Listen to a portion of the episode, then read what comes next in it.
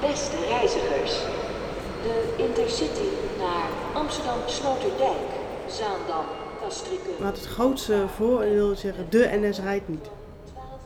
En eh, het komt dan heel vaak ook slecht in het nieuws, de NS, weet je. Het is dan een soort van wij, alsof het allemaal onze schuld is. Ik denk wel eens dat eh, mensen wel eens denken van, nou, zo'n conducteur, dat is een mooi makkelijk baantje. Beetje blazen op dat fluitje, weer gaan zitten in de eerste klas, af en toe hier en daar eens een kaartje knippen, niet te veel. Ik denk dat een van de grootste vooroordelen van reizigers is... ehm, NS is vaak te laat. En ik denk dat het vooroordeel niet juist is.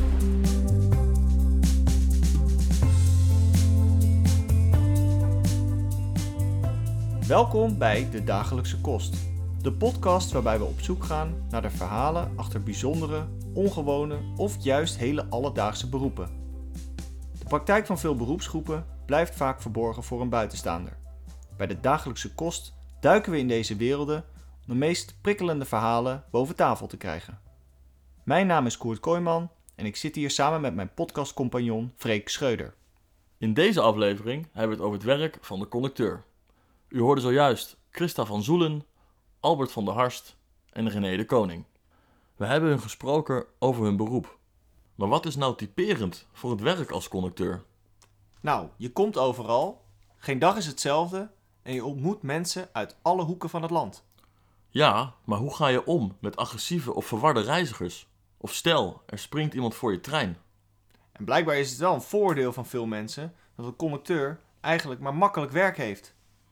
Straks horen we aan de hand van persoonlijke verhalen of hier een kern van waarheid in zit. Om beter zicht te krijgen op dit beroep, wilden we eerst meer leren over de geschiedenis van de spoorwegen.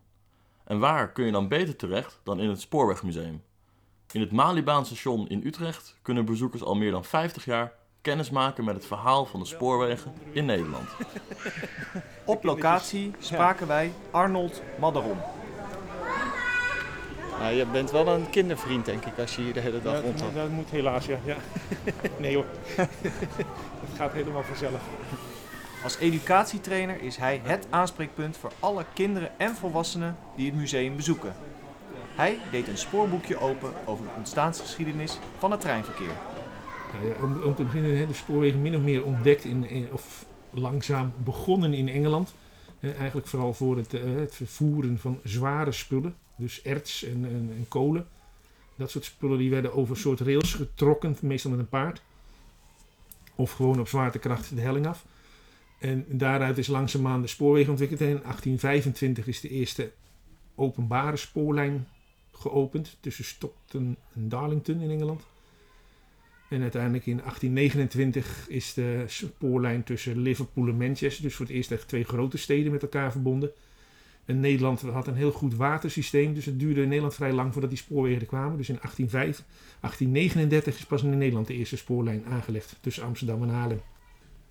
En die eerste, hoe, hoe werd dat destijds ontvangen, die eerste spoorlijn? Nou, natuurlijk was men een beetje bang voor, dus zoals altijd. Met nieuwe dingen. En was bang dat je geen adem meer kon halen. Omdat je zo'n hoge snelheid had dat je, dat je de lucht werd ontnomen. Hoe, Ja. hoe hard ging die trein dan toen? Eh, nou, dat- daar is altijd een beetje discussie over. Ze hebben, ze hebben 45 km per uur gereden. Hij ging uiteindelijk 25 km per uur, zo'n beetje 35, zo'n beetje rijden. Maar het ging maar een paar keer per dag. Dus dat, eh, Maar dat was beduidend sneller dan wat we toen... toen we eh, gewend waren, ja, het snelst was met een paard. Ja. Nou, het heeft natuurlijk het heeft allerlei invloeden gehad, waaronder in Haarlem hadden ze bijvoorbeeld, in alle steden in Nederland hadden ze andere tijd. Dat scheelde soms wel 5, 6 minuten per stad. Dus met de spoorwegen moesten ook alle tijden eh, gelijkgesteld worden. Met de opkomst van de spoorwegen. Maar dat is wel interessant. Dus Ja. het idee dat de, dat de tijd overal gelijk moet zijn, dat Ja. is gedeeltelijk... Ontstaan door, de- door de spoorwegen. Ja, Oh. ja. Doordat je veel sneller natuurlijk van A naar B gaat. Kijk, als je, als je een paar uur eh, op een paard of achter in een koets zit, dan maakt het niet zoveel uit of je na 10 minuten later weer eraan komt. Maar met die trein werd het wel belangrijker. Dus van meet af aan was de dienstregeling al een belangrijke factor. Ja, ja, ja. En ehm, we zijn natuurlijk voornamelijk geïnteresseerd in het werk van de treinconducteur. Ja. Eh, nog veel meer over, te- eh, over dit verhaal te vertellen Ja. waarschijnlijk. En ja over alles is heel veel meer. Maar de, eh, kun je kort schetsen wat de rol van de conducteur was? Of was er al sprake van een conducteur zoals was- wij die nu kennen? In deze er was zeker een, een, een, er waren conducteurs. een hoofdconducteur. Ik bedoel, er zaten in, hier, eigenlijk is het nog steeds, hè, het heet officieel, wij noemen het allemaal in de volksmond een conducteur, maar het is een hoofdconducteur. Dat is eigenlijk de baas van de trein. Wat is ook het niet- verschil tussen een conducteur en een hoofdconducteur? Eh, nou, vroeger had je op de trein, in, bij bij wijze van spreken, bijna in elke wagon een conducteur. En de hoofdconducteur die had, was de baas over de hele trein. Alleen dat, die zijn allemaal verdwenen, die conducteurs. En dit heet nog steeds, je hoort ook wel eens als je in de trein zit, hè, H- HC, dus hoofdconducteur. En waarom was er dan een conducteur aanwezig in elke coupé? Oh, die moest de kaartjes controleren, de mensen helpen met in- en uitstappen, de bagage erin en eruit halen. eh, allemaal van dat soort werkzaamheden. Dus dat waren eigenlijk meer verantwoordelijkheden dan wij nu aan Ja, de conducteur nu, zouden ja. toeschrijven. Nou ja, de conducteur is nog steeds de baas van de trein. Dus je denkt altijd dat de machinist de baas is, maar officieel is de, de hoofdconducteur de baas. Ja, is dat zo? Ja, ja. Die bepaalt, bepaalt of de deuren dicht gaan, wanneer die dicht gaan. Die bepaalt dus ook uiteindelijk wanneer die vertrekt. Maar dat klinkt ook wel alsof de conducteur in ieder geval in deze periode, en dan hebben we het over eigenlijk de 19e eeuw. of- 19e eeuw was het een hele belangrijke, ja, belangrijke representatieve functie. Het waren ook vaak oud-militairen die ervoor gebruikt werden in het begin. Oh ja? Ja. Waarom was dat? Omdat die goed bevelen konden opvolgen. dat is heel hiërarchisch gestructureerd, de spoorwegen in de 19e eeuw. Ja? Dus eh, ja, er was, dat was, en je had stationschef, je had perronchef, je had een hele. Je had een- de spoorwegen waren in de 19e eeuw de grootste werkgever van, van, eh, van Nederland.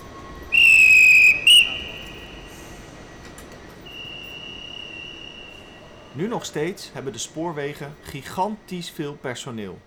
In 2017 telde de NS bijna 22.000 werknemers. Ongeveer 3000 van hen waren conducteur. Dit zijn, zoals we net gehoord hebben, de bazen van de trein. De vraag is wat dat precies betekent en welke verantwoordelijkheden dat met zich meebrengt. Wij spraken René de Koning in de bekende pastazaak op Amsterdam Centraal. Gaan we het luisteren nu? Een beetje keu keukengeluid krijg je op de achtergrond eh, als ik het zo hoor. Hij vertelde ons wat zijn werkzaamheden zoal zijn. Een van de allerbelangrijkste dingen die wij doen is eh, zorgen dat de trein op tijd en veilig vertrekt. Ehm, wij kijken naar het vertreklicht. Als dat goed is en de tijd is goed, dan mag je vertrekken. We draaien de deur dicht en we stappen weer uit. We kijken alle deuren na en we stappen weer in. Dat is een patroon wat zich per dag 20, 30, 40 keer herhaalt. En daar mag je gewoon geen fout in maken. Dus in je opleiding wordt dat er echt inge, ingeramd. Zo van altijd zo, altijd zo. Op die manier en niet anders. Dat, is gewoon één. Eh, wat leer je nog meer in de praktijk? Nou, het controleren van mensen is natuurlijk een tweede. En controleren is niet moeilijk. Je loopt naar mensen toe en ze geven je een kaartje en dat is het.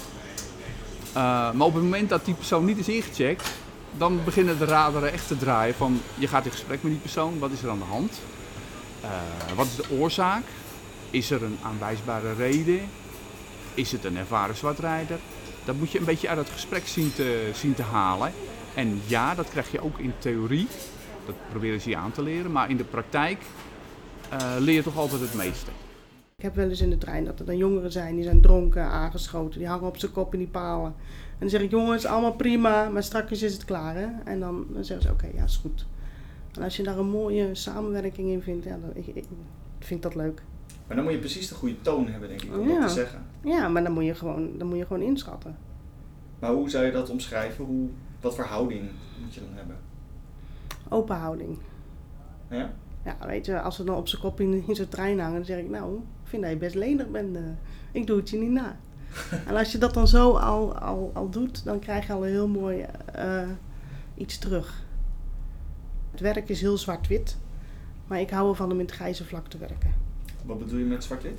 Eh, het werk, oh, u bent niet ingecheckt, ik kan u nu een, een- een boete gaan geven. Want u bent op dit moment niet in bezit van de geldige vervoersbewijs. Maar ik kan ook kijken, hé, wat is er aan de hand? Oh, u, u bent gewoon ver- vergeten in te checken een keer. Er staat genoeg saldo op.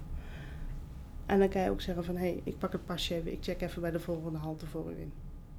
Maar dat is hoe ik ben. En ik vind dat een fijne manier van werken. Een zwartrijder in de trein Ja. komt regelmatig voor. Uit onze gesprekken bleek dat een conducteur per week zo'n drie tot vier bekeuringen uitdeelt. Maar er zijn ook meer uitzonderlijke situaties waar een prent alleen niet volstaat.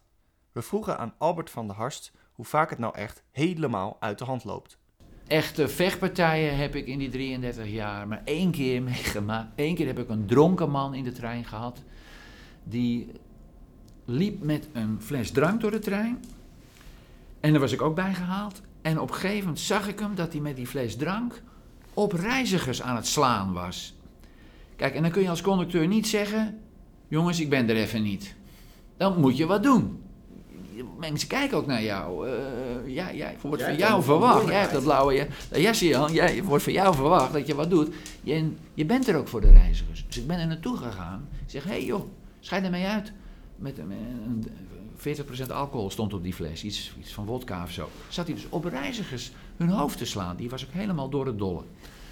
En toen, eh, hoe heet het, eh, kwam hij op mij af. En toen moest hij mij hebben. En toen wilde hij mij slaan met die fles. Maar goed, ik was nog wel een beetje bij de, bij de les. Dus ik heb die klap afgeweerd met mijn linkerhand. En toen heb ik hem met mijn rechterhand heb ik hem even een dreun verkocht. En toen lag hij op de grond. Je moet wat, hè? Je wordt aangevallen door iemand met een fles. Ja, je moet wat. En toen, wat wel leuk was, in die coupé zaten ook een groep studenten. Dus toen ik hem op de grond had, die gast, toen riep ik tegen die studenten: Help mij! toen kwamen vijf van de jongens aanrennen en die doken er allemaal bovenop. En die hielden hem vast. Toen kon ik even bellen. Nou, dat bij het volgende station de politie even, eh, die is toen bij de politie gekomen. Maar je maakt eigenlijk veel meer leuke dingen mee. Wat, mij ook, wat ik nooit zal vergeten: een naakte man in de trein. Poedelnaakt. De stoptrein van, eh, heet nu Sprinter, ik mag niet meer stoptrein zeggen. Ik, ik, ik, ik, ik zit een beetje in oude spoortermen. Hè? Ik praat nog over stoptrein en sneltrein, maar het is natuurlijk Sprinter.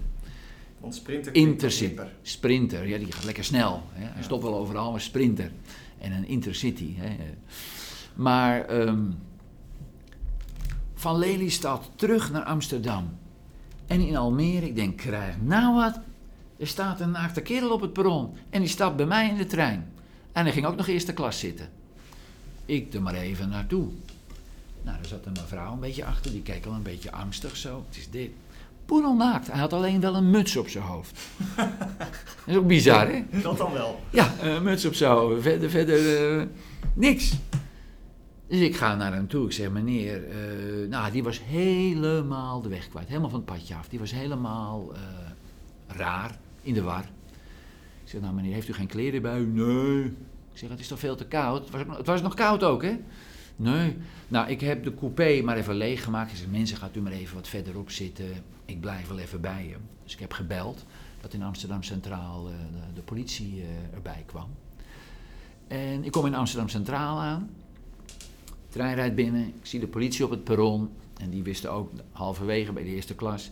Ik stap uit met die poedelnaakte kerel naast me. Met die muts op zijn hoofd.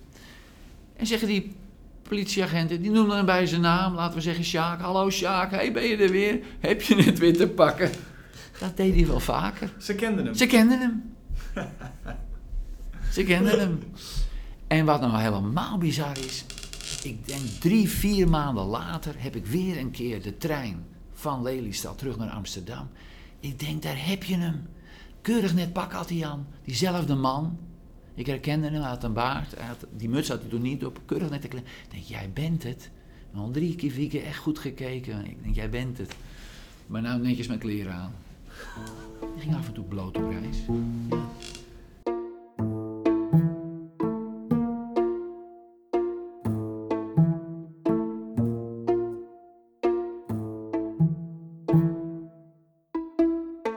Als iemand echt helemaal stront Lazarus is, nou ja, dan vind ik het ook niet fijn om diegene altijd mee te nemen. Dus ik kan hem ook weigeren.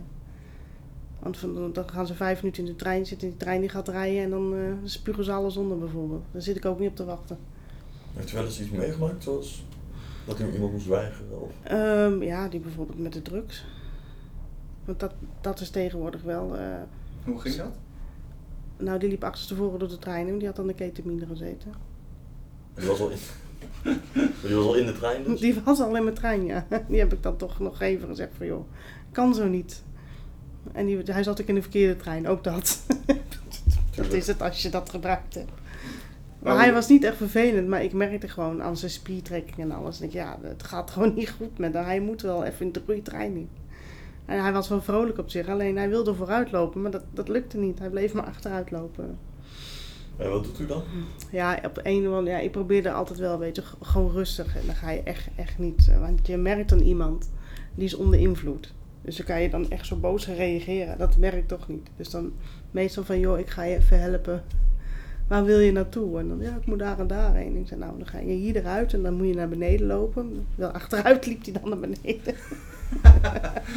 en dan die trein moet je hebben. Dus dan hoop ik maar dat het goed gaat. Maar ook wel eens mensen die zo dronken zijn dat, eh, ja, dat ik denk, ja, het gaat helemaal niet goed. En dan gaan ze oud en dan komen ze weer bij en dan gaan ze weer oud. Dus ja, daar vraag ik wel hulp van in. En dan doe ik ook 1 en 2 bij de ambulance bij. Want dat is gewoon niet fijn.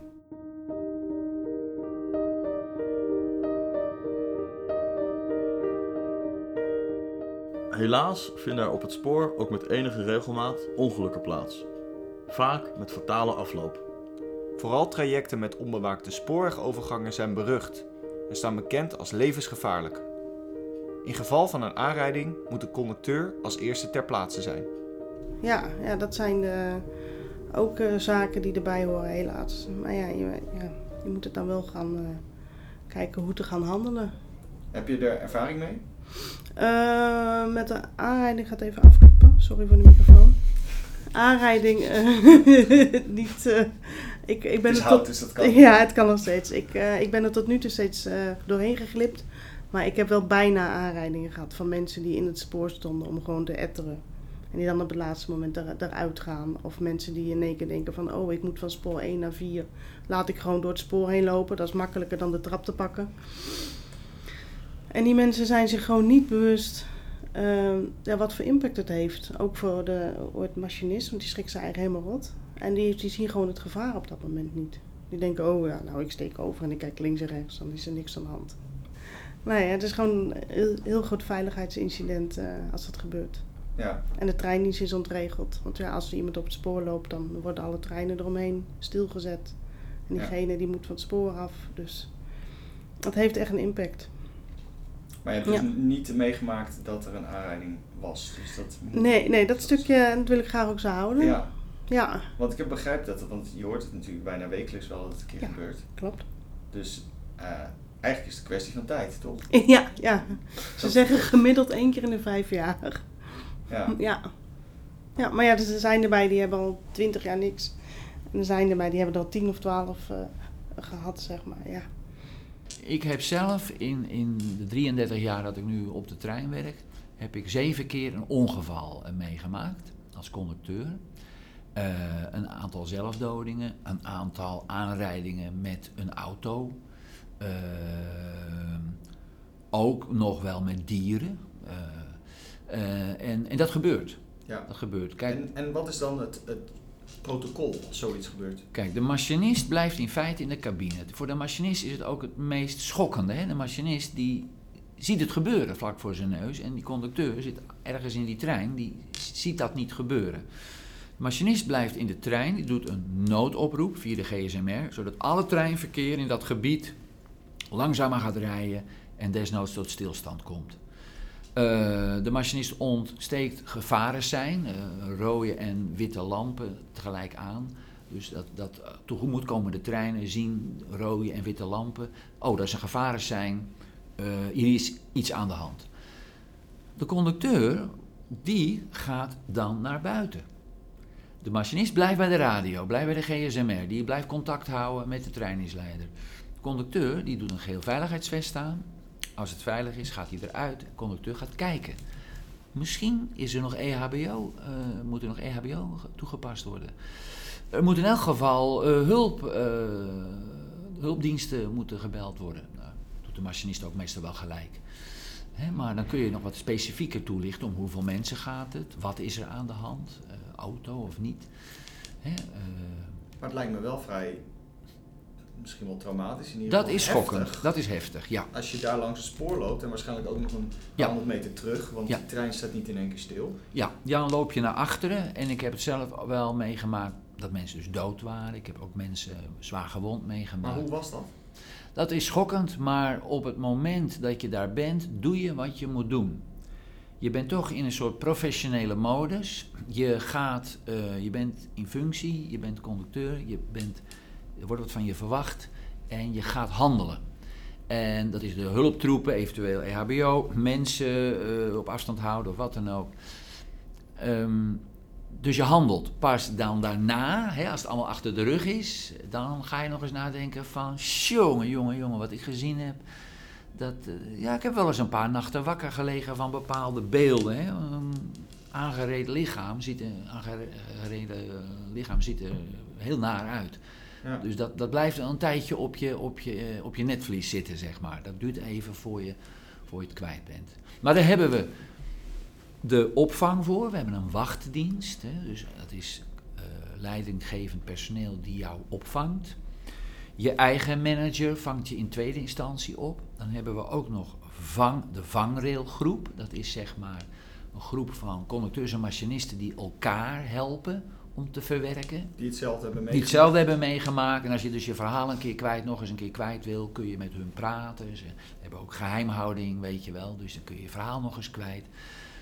Als het echt helemaal niet gaat, dan kun je een- een bezoek krijgen bij de bedrijfsarts of de bedrijfspsycholoog, weet je wel. Dus ja, je wordt daar wel echt goed in, in begeleid, Ja. zeg maar. ja, en daar heb jij ook wel eens gebruik van gemaakt. Van die... Eh, ja, nou van zo'n vangrailgroep wel. En ik ben ook wel eens bij de bedrijfsarts geweest. Want ik heb één keer een hele vervelende aanrijding gehad. Dat bleef mij een beetje bij.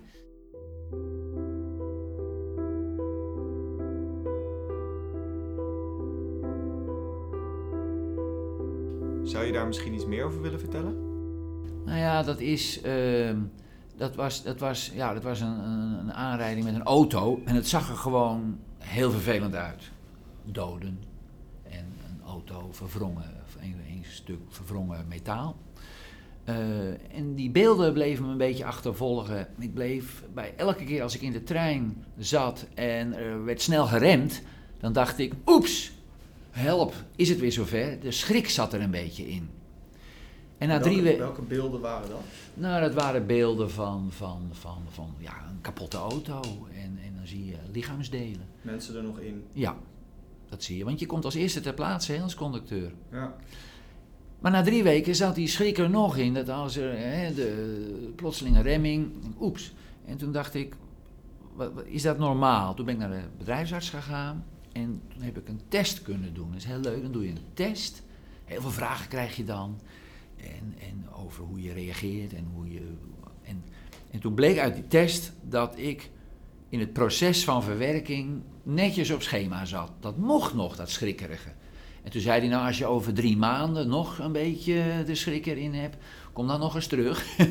dan moet het wat rustiger worden. Maar weet je, dus je wordt echt gecoacht en geholpen van luister joh, dat is heel normaal dat jij nog zus of zo reageert. ja, je moet ook gewoon jezelf de tijd gunnen. Geef het de tijd. Ja. En, en, Maar dat lijkt me wel ook een, een angstig vooruitzicht dan.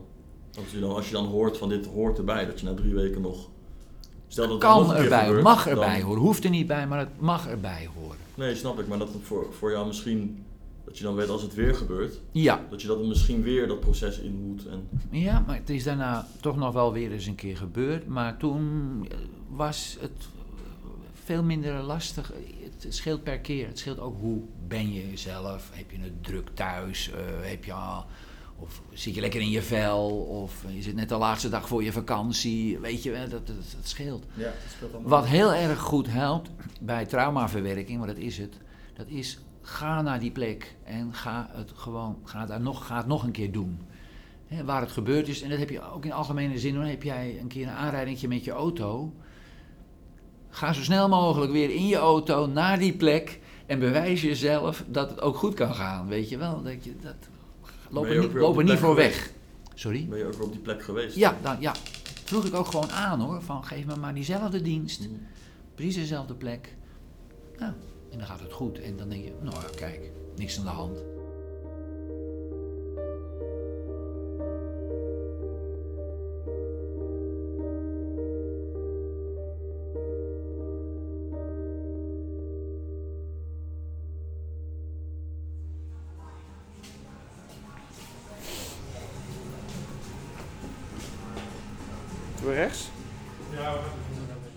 In het Spoorwegmuseum waren, leerden we over de opkomst van de huisstijl van de NS. Daar hoort natuurlijk ook het uniform van het treinpersoneel bij. Net als een politieagent en een brandweerman heeft ook de conducteur een karakteristieke kloffie. Je hebt, eh, je hebt- 1968 is natuurlijk een redelijk belangrijk jaar. Precies 50 jaar geleden is dat nieuwe embleem en de nieuwe uitstraling gekomen van de NS. Dus met die pijl in twee richtingen. En de gele treinen, dat is allemaal vanaf 1968. Dus daar hebben we op dit moment dan een tentoonstelling over. Omdat dat precies 50 jaar geleden is. Nou, dat heeft ervoor gezorgd dat de NS een veel modernere en hippere uitstraling kreeg. En dus ook met nieuwe uniformen en nieuwe... Nou, ieder, in één klap allemaal eh, moest iedereen in een nieuw kostuum gehesen worden. Je hebt nu geen uniform aan, maar normaal Nee. gesproken als je aan het werk bent wel Ja. natuurlijk. Ja. Ehm, wat betekent dat uniform voor jou? Eh, voor mij betekent het is een visitekaartje van het bedrijf. En ja, ik ben heel autistisch qua mijn kleding, heel netjes, mijn schoenen altijd gepoetst. Dus zo ben ik wel. Want dat, ja, weet je, we zijn het visitekaartje van het bedrijf, dus dan moet je ook aanstralen en moet je ook uitstralen. Dus eh, Elke geen... keer na een werkdag wordt het gestrijkt. En nou, dat niet. Twee dagen max en dan, en dan gaat hij in de was. maar mijn schoenen altijd netjes, gewoon netjes verzorgd, fris en eh, ja, je bent gewoon een uitstraling. Anders denken ze ook van, nou, die, eh, die loopt ook lekker stoffig bij. Hebben ze geen goede spullen bij de NS of zo? We krijgen alles behalve ons ondergoed, dus het is best wel goed geregeld. eh. je, je krijgt echt alles. Eh, maar je merkt wel, als je het uniform aan hebt, dan zit je meteen, dan ben je aan het werk. Al ben je nog niet aan het werk, maar je hebt het uniform aan, mensen zien dat niet. Er komen meteen met vragen, opmerkingen. Dus ja, je bent wel altijd aan het werk. al ben je soms niet aan het werk. Je hebt groepen in de trein die kijken naar jou en die pakken onmiddellijk hun kaartje. Die zijn een beetje, oh jee, daar is hij. Die pakken onmiddellijk hun kaartje. Je hebt ook eh, groepen in de trein die zo van, nou, die negeren je bijna. Zo van, nou, daar is hij dan. Ehm, die, die, ze kijken je nauwelijks aan, ze zeggen niks, ze negeren je bijna.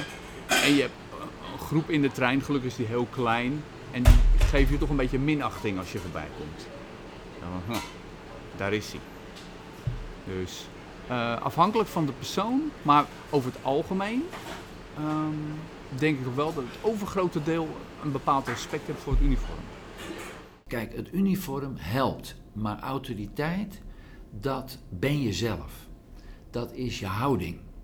Je kan eh, eh, een politieuniform of een conducteursuniform aantrekken en als jij als een een of ander, eh, nou ja, als je, er, als je er niet geïnteresseerd uitziet, onverzorgd uitziet, eh, of je doet raar of, of weet ik wat je doet, dan helpt zo'n pakje ook niet meer. Echte autoriteit, dat, dat, dat straal je uit door je spreken, door je, je. En het kan heel gemoedelijk gaan, het kan heel vriendelijk gaan, maar het kan wel eh, duidelijk zijn. Ik ben eh, al twintig jaar treinmanager op de Thalys. Wij brengen ook de Eurostar naar Brussel, Intercity naar Bad Bentheim. Wat, wat typerend is, de Duitsers zijn toch nog wel behoorlijk gezagsgetrouw, gehoorzaam. Als je tegen Duitsers zegt, dat en dat gaan we doen, daar en daar eh, moet u eruit, of wat dan ook, of verplaatst, ga naar een ander rijtuig, dan doen ze dat. Nederlanders moet je dan nog even helpen, is meestal, weet je wel. En Fransen beginnen ook van, eh, van, ja wacht even, even mijn wijntje meenemen, weet je wel. Is daar wel eten te krijgen? Ja, weet je dat.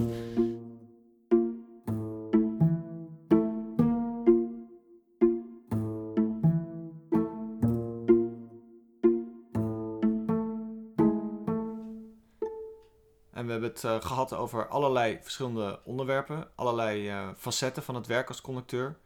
En als afsluitende vraag zijn we nog benieuwd naar wat zou je zeggen dat het lastigste is aan het werk als conducteur, of het, of het moeilijkst? Ehm, het lastigst, wauw. Om iedereen tevreden te stellen en dat kan niet altijd. Dat is het lastig, want als je de trein eh, op een gegeven moment sluit je de deuren, want de trein die moet op tijd vertrekken en er zijn heel veel mensen blij, want die zitten al in de trein en dan komen er nog vijf aangerend. Ja, die kunnen dan niet mee. Maar ja, je moet dan keuzes maken. En je moet dan maar denken, ja, er komt nog een trein over 10 minuten, dus dan, dan heeft u die. Dus je kan niet iedereen tevreden zijn. En, en En dan denk je toch, shit, zij kunnen niet. zij kunnen niet mee, de volgende. Dan krijg ik vaak nog wel een middelvinger erachterhalen of iets. En denk ik, ja, sorry. Maar op tijd bij de trein zijn moet ik ook. Ja. Ja. En het leukst? Het van- is de omgang met mensen, wat je tegenkomt. Eh gekkere mensen, leuke mensen. Weet je, wel, dat je, iedere dag is, is weer anders. Geen dag is hetzelfde. En dat is fijn. En ik vind het fijn dat je, zeg maar, eigen baas bent. Ja. Ja. Dat is een stukje vrijheid heb je. En dat vertrouwen, dat krijg je. Dus eh, dat vind ik mooi.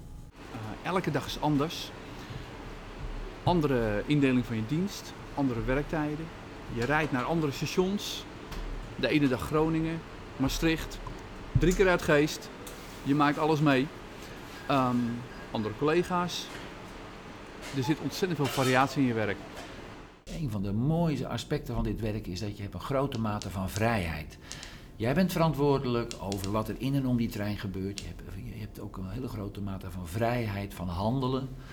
Uh, en, en je kan er je eigen draai een beetje aan geven. Ik zeg wel eens, je kan je eigen feestje een beetje bouwen in zo'n trein. En dat doe je natuurlijk niet maandagochtend in een spitstrein. Hè, maar op een zaterdagmiddag kan het heel leuk en gezellig zijn in een, in een trein. En, en die, die, die vrijheid heb je. Je hebt niet een chef die continu op je vingers kijkt van... oh, heb jij al uh, dat en dat afgehandeld? Nee. En wat ook heerlijk is van dit werk, als je dienst erop zit... deur dicht, naar huis, klaar. Er blijft geen werk op je wachten. Je, het is echt... De scheiding tussen werk ja, en privé is, is duidelijk. Hè? En, en, je hoeft dan niet s'avonds nog eens een keer uh, iets te gaan doen. Je bent gewoon klaar.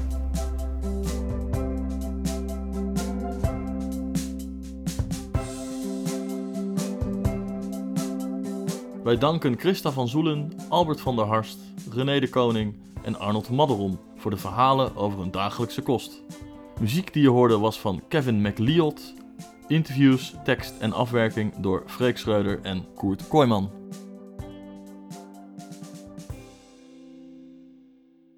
Heb je je kostelijk vermaakt? Abonneer dan op de dagelijkse kost via Apple Podcast, Spotify, Pocketcast of Stitcher. Suggestie? Complimentje? Mail naar de dagelijkse kost podcast@gmail.com. Graag tot de volgende.